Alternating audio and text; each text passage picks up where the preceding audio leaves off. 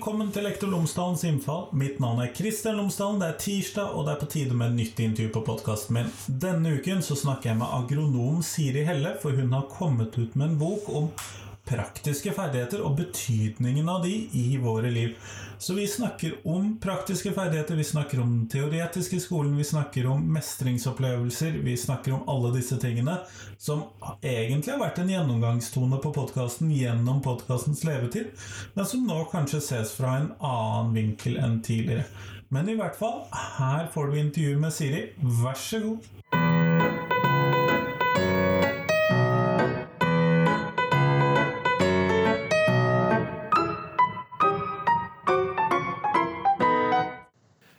Siri Helle, tusen takk for at du har tatt deg tid til meg i dag.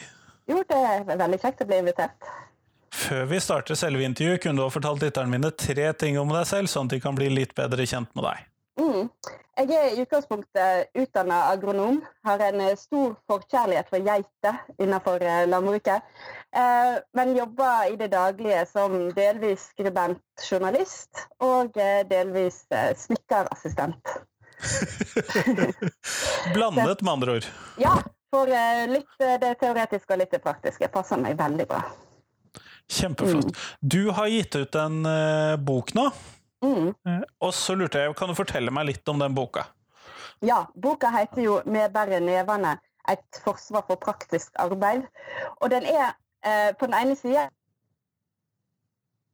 en stor personlig eh, historie om eh, min vei tilbake til hendene mine. Og hvordan jeg, jeg oppdaga at jeg trengte å bruke dem. Jeg trengte å gjøre noe praktisk og fysisk for, eh, for å klare å slå rot og for å klare å, å finne meg sjøl, på en måte. Um, men så er det òg eh, Så prøver jeg òg i den boka å se hele samfunnet gjennom de samme samme tankene, da, de samme hendene. Hvordan, eh, hvordan ser samfunnet i dag på, på hender og praktisk arbeid og, og det å, å, å, skape eh, med hendene. da. Og jeg finn, fant egentlig, syns jeg, delvis løsninger på mange problemer i, eh, av av det praktiske arbeidet i dag. da.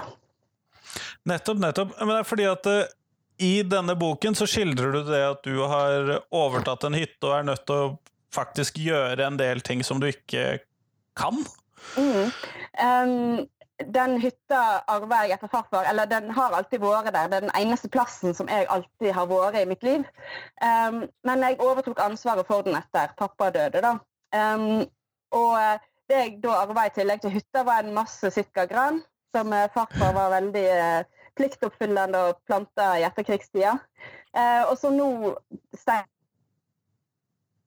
stengte inn og tok alt liv og lys, og den måtte vekk. da.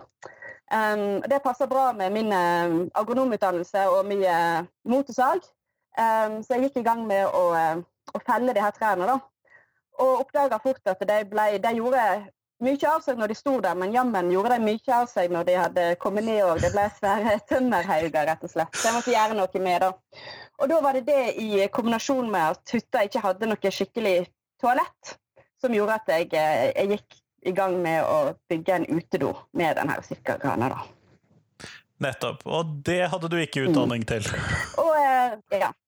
Det hadde jeg ikke utdanning til, nei. Det hadde jeg ikke gjort før. Tvert imot så hadde jeg egentlig ganske var jeg ganske sikker på at det var noe jeg ikke kom til å få, ikke kunne gjøre. da, Å bygge noe i tre og sånn. Um, så det, det, vanskeligste Det var masse praktiske utfordringer, men det vanskeligste sånn i etterkant, når jeg ser det nå, er, var rett og slett å overbevise meg sjøl om at jeg kunne.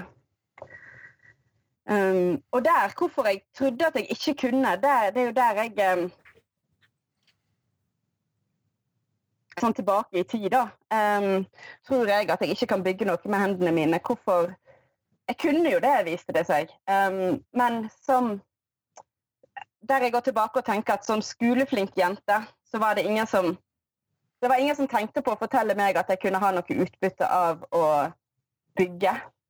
Um, og, og, og, jobbe med, med praktiske føremål. Uh, så den sier meg sjøl. Mm. Skolen har jo relativt lite praktiske fag, kan man vel eh, slå fast? Ja. Og det er lett å, det, det, det, lille den har, er jo lett å velge vekk, på en måte. Uh,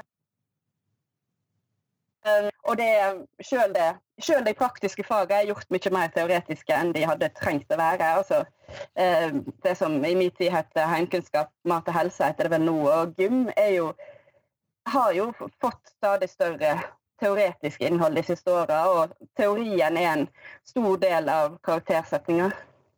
som er jo det som mange elever velger å fokusere på, naturlig nok. Og det er jo det, fordi at eh, særlig de som da er typiske skoleflinke og som ønsker høye karakterer, så er det jo den biten det fokuseres på. Men hva tenker du er ulempen for eh, oss eh, som samfunn at skolen er såpass lite praktisk, da? Altså, For det første skal vi ha vi Det vi kommer til å mangle i framtida, er jo ikke doktorgrader. Det er jo fagarbeidere. Um, og da er det da er det fryktelig dumt å bare plukke fagarbeidere fra de som ikke er teoristerke.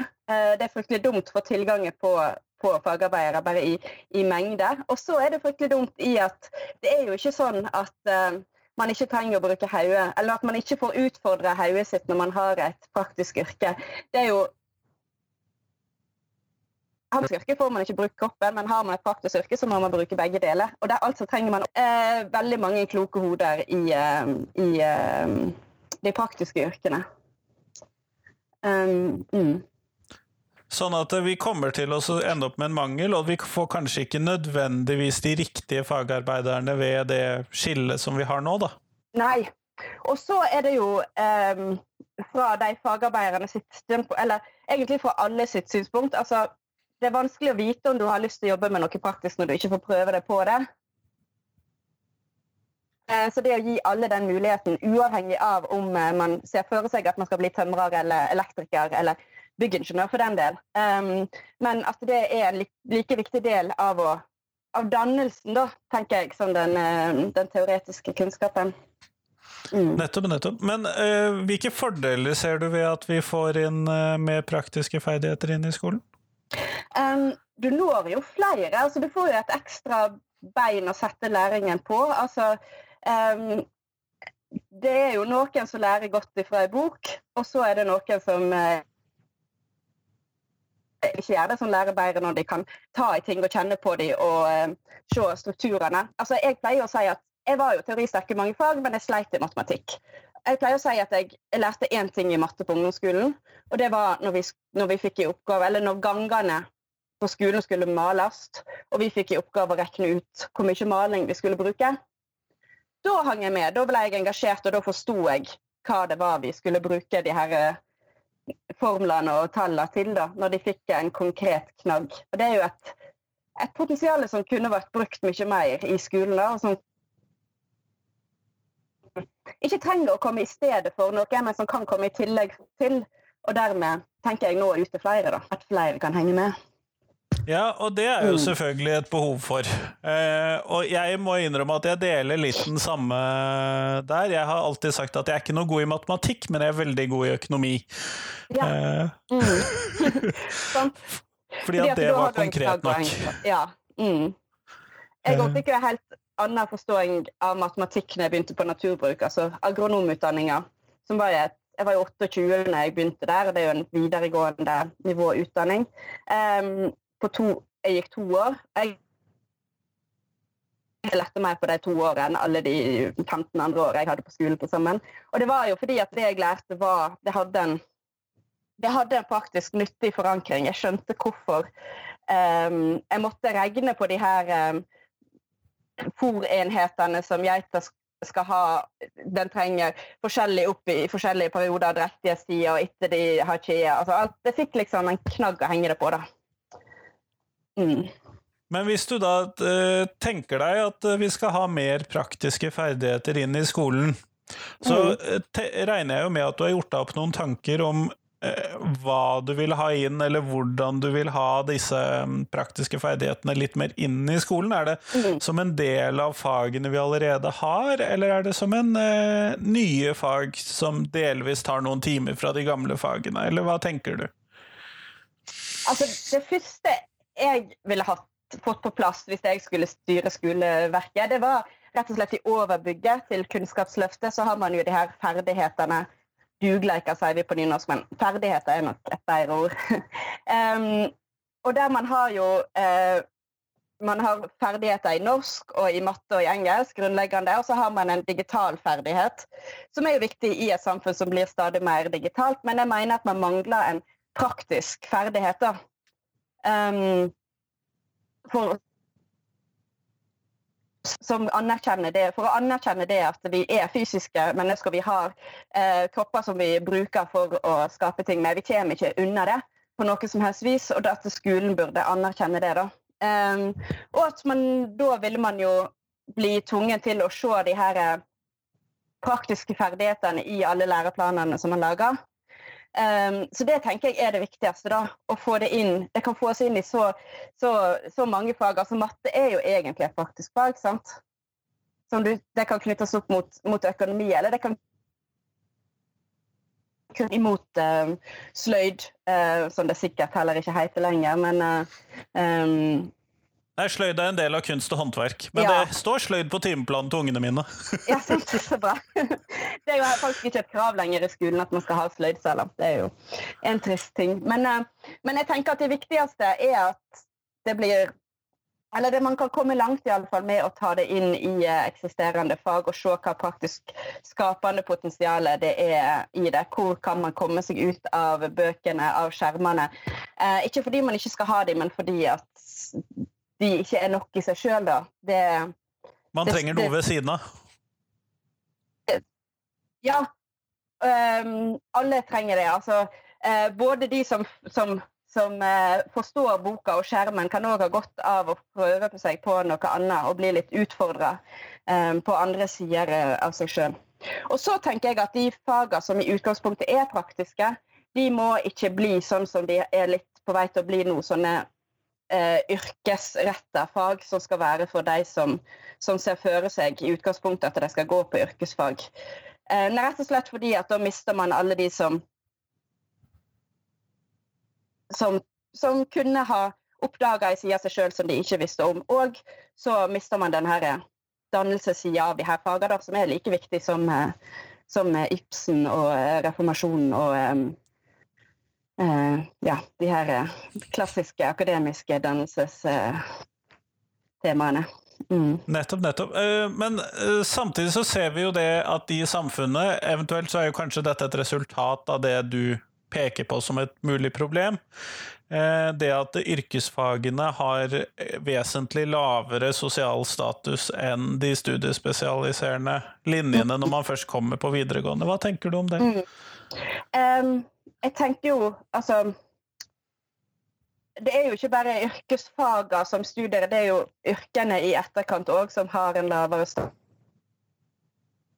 Uh, som det er vanskelig å løse det ene etter det andre. Så det blir på en måte et, et stort sånn, samfunnsproblem da. Uh, men det er jo, likevel så er det jo det med å ta det med seg inn i sin egen heim. Altså, det er mange som er veldig flinke til å snakke opp yrkesfag generelt.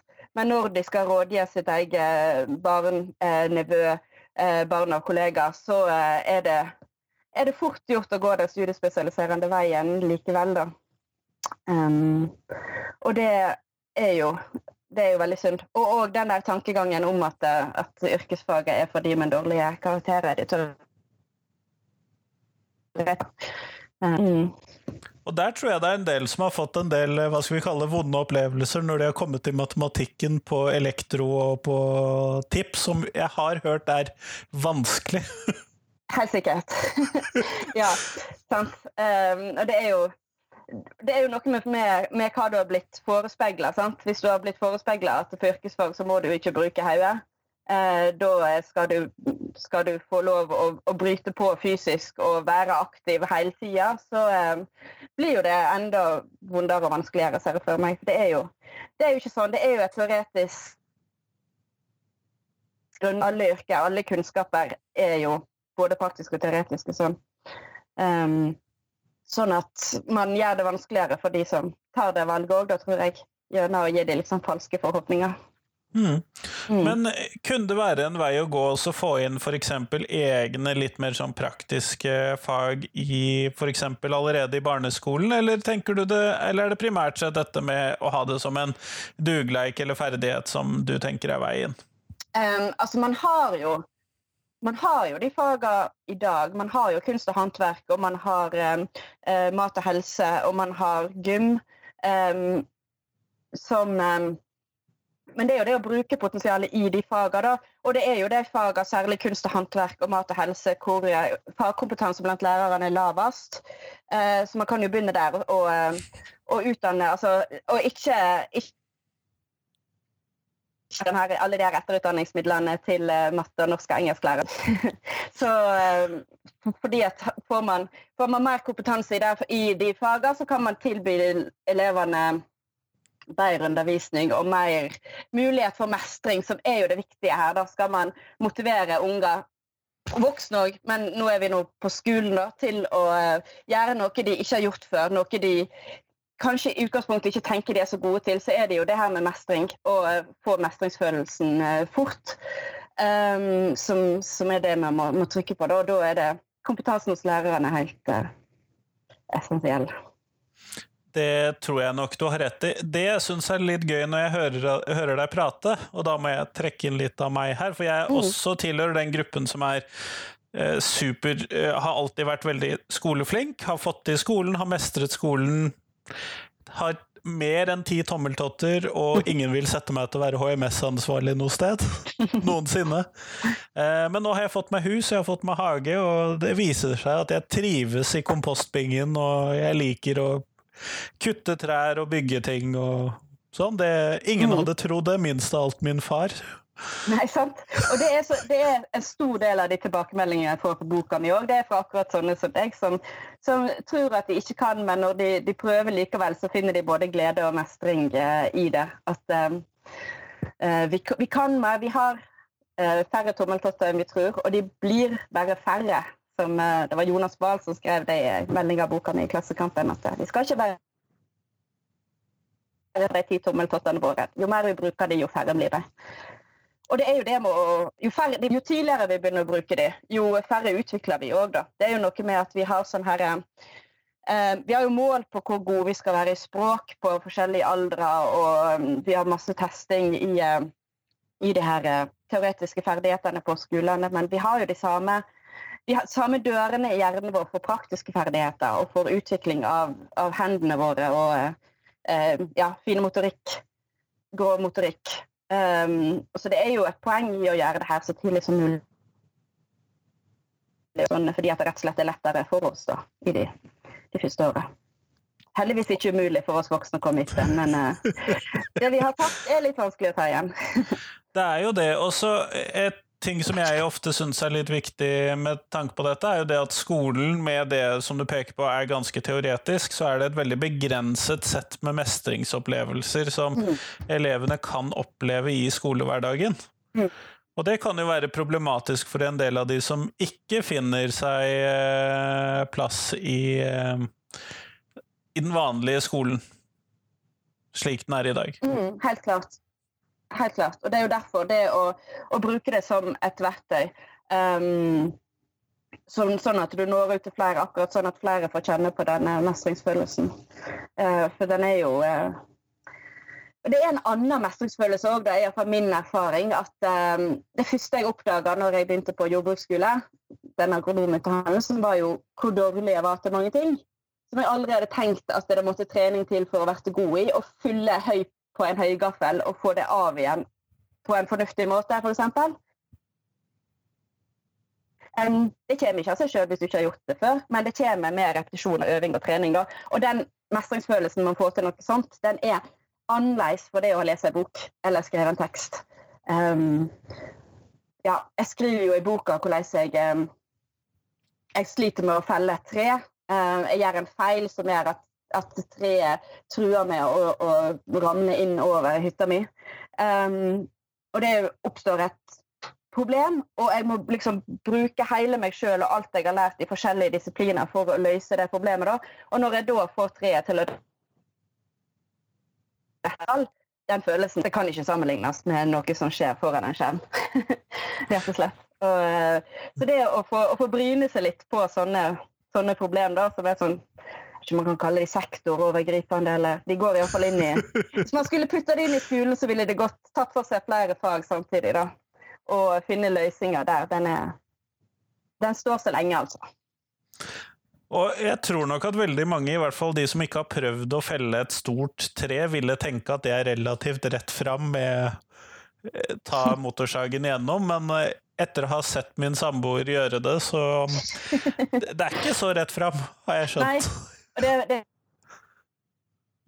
det er sånn. Det er ikke så rett fram når man kommer eh, opp i det. Altså, et tre kan se rett ut beint ut på avstanden, så kommer man inn og ser på stammen. Så jeg heller det litt den ene veien, tre meter opp, så får det ganske store utslag eh, nede ved bakken, og hvor greinene går, og greinene på andre tre det kan henge seg fast i. Så det er um, Man skal vite hva man, hva man gjør. Så det å, å, ha noen til å, til å, lære seg, sånn som jeg hadde på jordbruksskolen, da, det var jo, var jo uh, veldig viktig for meg. altså. Mm. Men nå har vi snakket uh, ganske lenge om hva som skal inn i skolen. Mm. Uh, og da lurer jo jeg på, uh, for jeg har et siste spørsmål, et spørsmål jeg avslutter med på alle intervjuene mine. Hva skal ut av mm. skolen hvis du fikk bestemme? Det som skal ut av skolen, tenker jeg, er de teoretiske prøvene i de praktiske fagene. Det er man kan snakke om aerob og anaerob forbrenning i gym, helt greit, men man skal slippe å sette seg ned og um, skrive prøver i det, tenker jeg. Man klarer seg uten det. Kjempeflott. Tusen takk. Sjøl takk.